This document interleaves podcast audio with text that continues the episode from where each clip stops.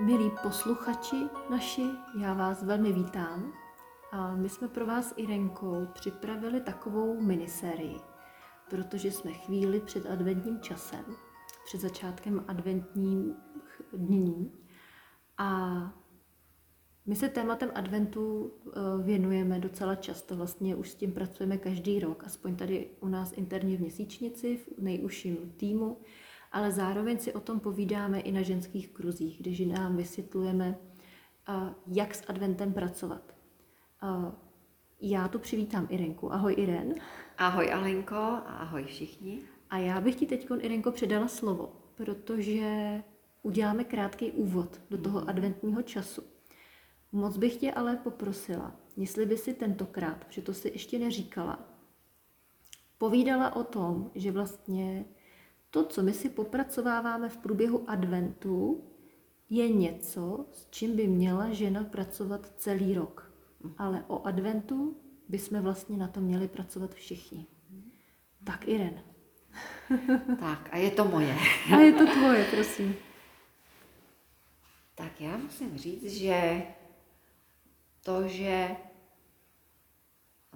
máme příležitost pracovat s jednotlivými vlastnostmi v průběhu adventu úplně všichni, tak má několikero takových pozitivních,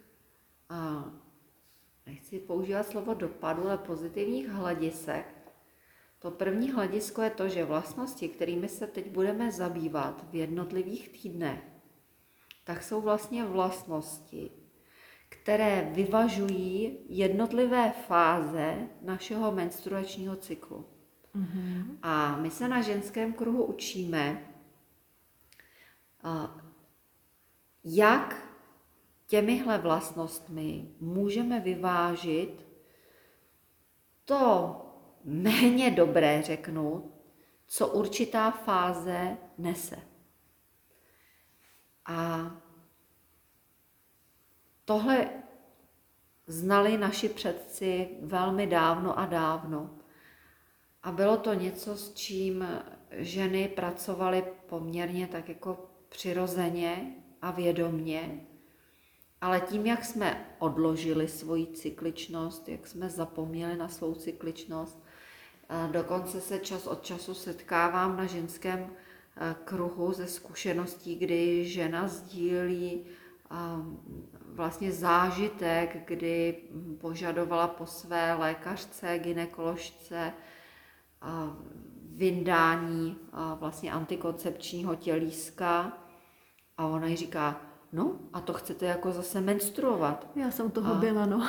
Jo, jo, to bych zase, no to snad nemyslíte no. vážně, jako no. najednou je na tu ženu nazíráno jako na uh, hloupou osobu, která je tak hloupá, že ona chce zase menstruovat mě takovéhle zkušenosti vždycky překvapí, protože mm, kdyby to řekl muž ginekolog, a taky to říkají, to víme, ale tam nás to tak nepřekvapuje, protože on neví, co mu ta menstruace dává, ale překvapuje mě to od eh, ženy. Jo, od ženy ginekoložky, že vlastně zaujme tenhle názor, že menstruace je něco špatného, co vlastně k té ženě nepatří, že jí to komplikuje život. No ale to jsem teď eh, malinko odbočila.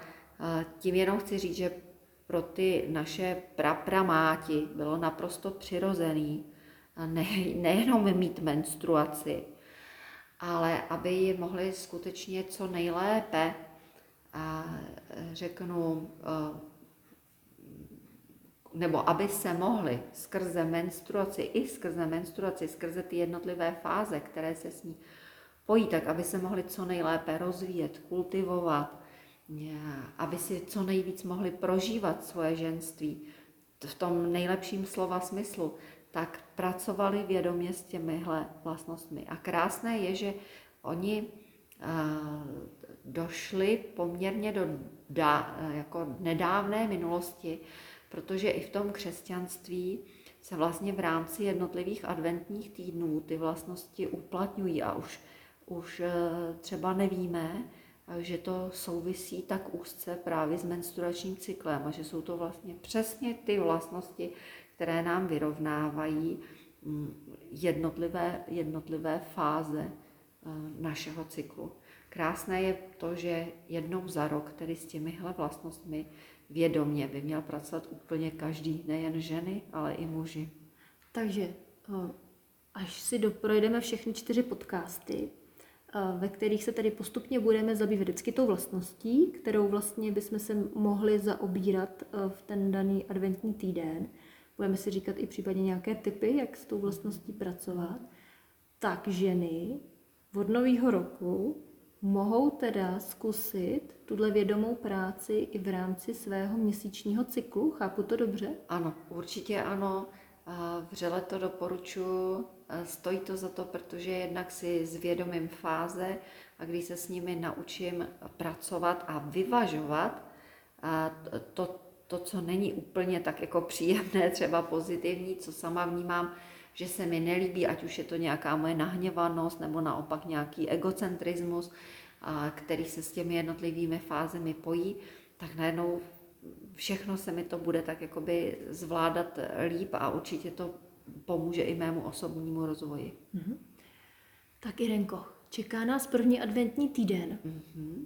Ten bude za chvilku. Tak s jakou vlastností bychom měli pracovat tedy? Co, co, nebo co bychom měli o tomto adventním týdnu dělat? Tak, tak já řeknu, že ten první adventní týden je o pokoře. A stejně tak je to vlastnost, která nám vyvažuje první fázi menstruačního cyklu, což je fáze pany.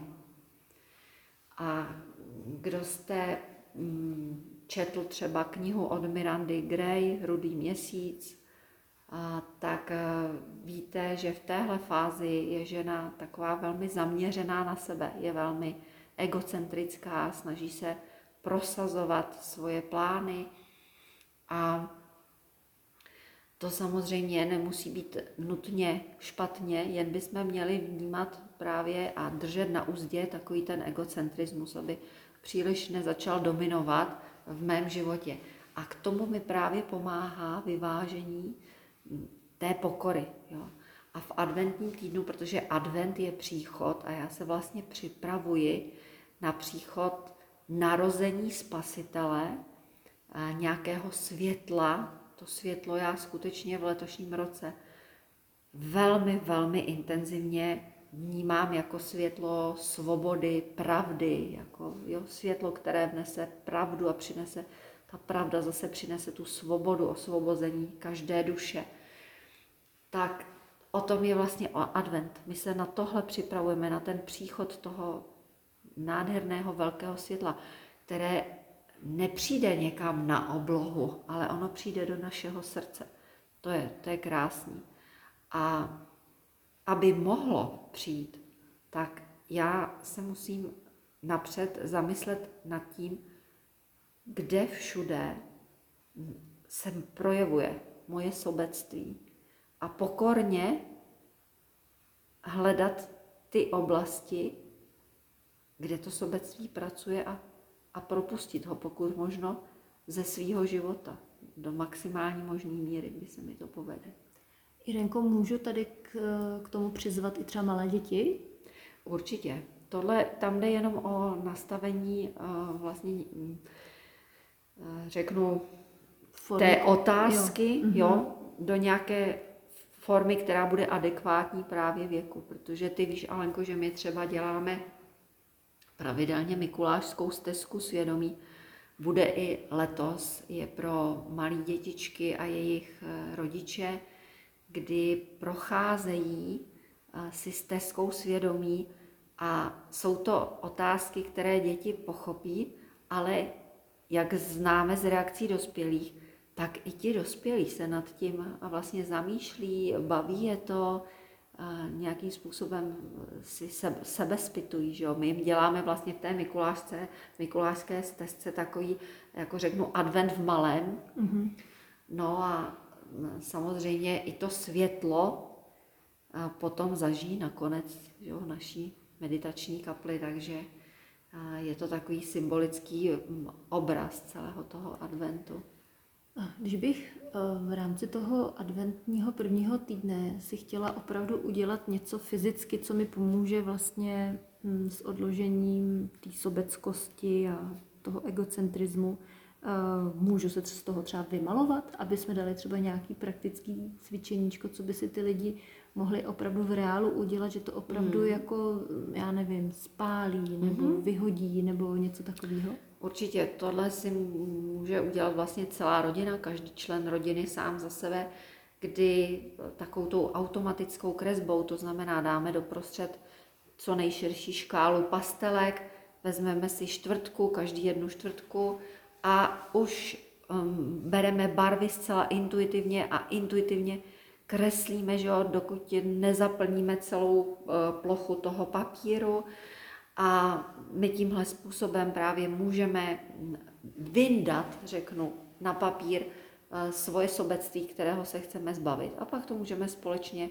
spláchnout na ohni, spláchnout tekoucí vodou, tohle už vlastně známe z nejrůznějších uh, našich seminářů, cvičení a tím dochází k transformaci. Takže je to takové jednoduché, současně je to zábava vlastně i pro e, děti, i pro dospělé a pro dospělé navíc je to i relax, kdy nám ženám neuškodí, když si takovouhle, to je záležitost 20 minut, tak když si takovouhle 20 minutovku v tom e, adventním čase, který je na nás ženy poměrně takový náročný, když si to dopřejeme.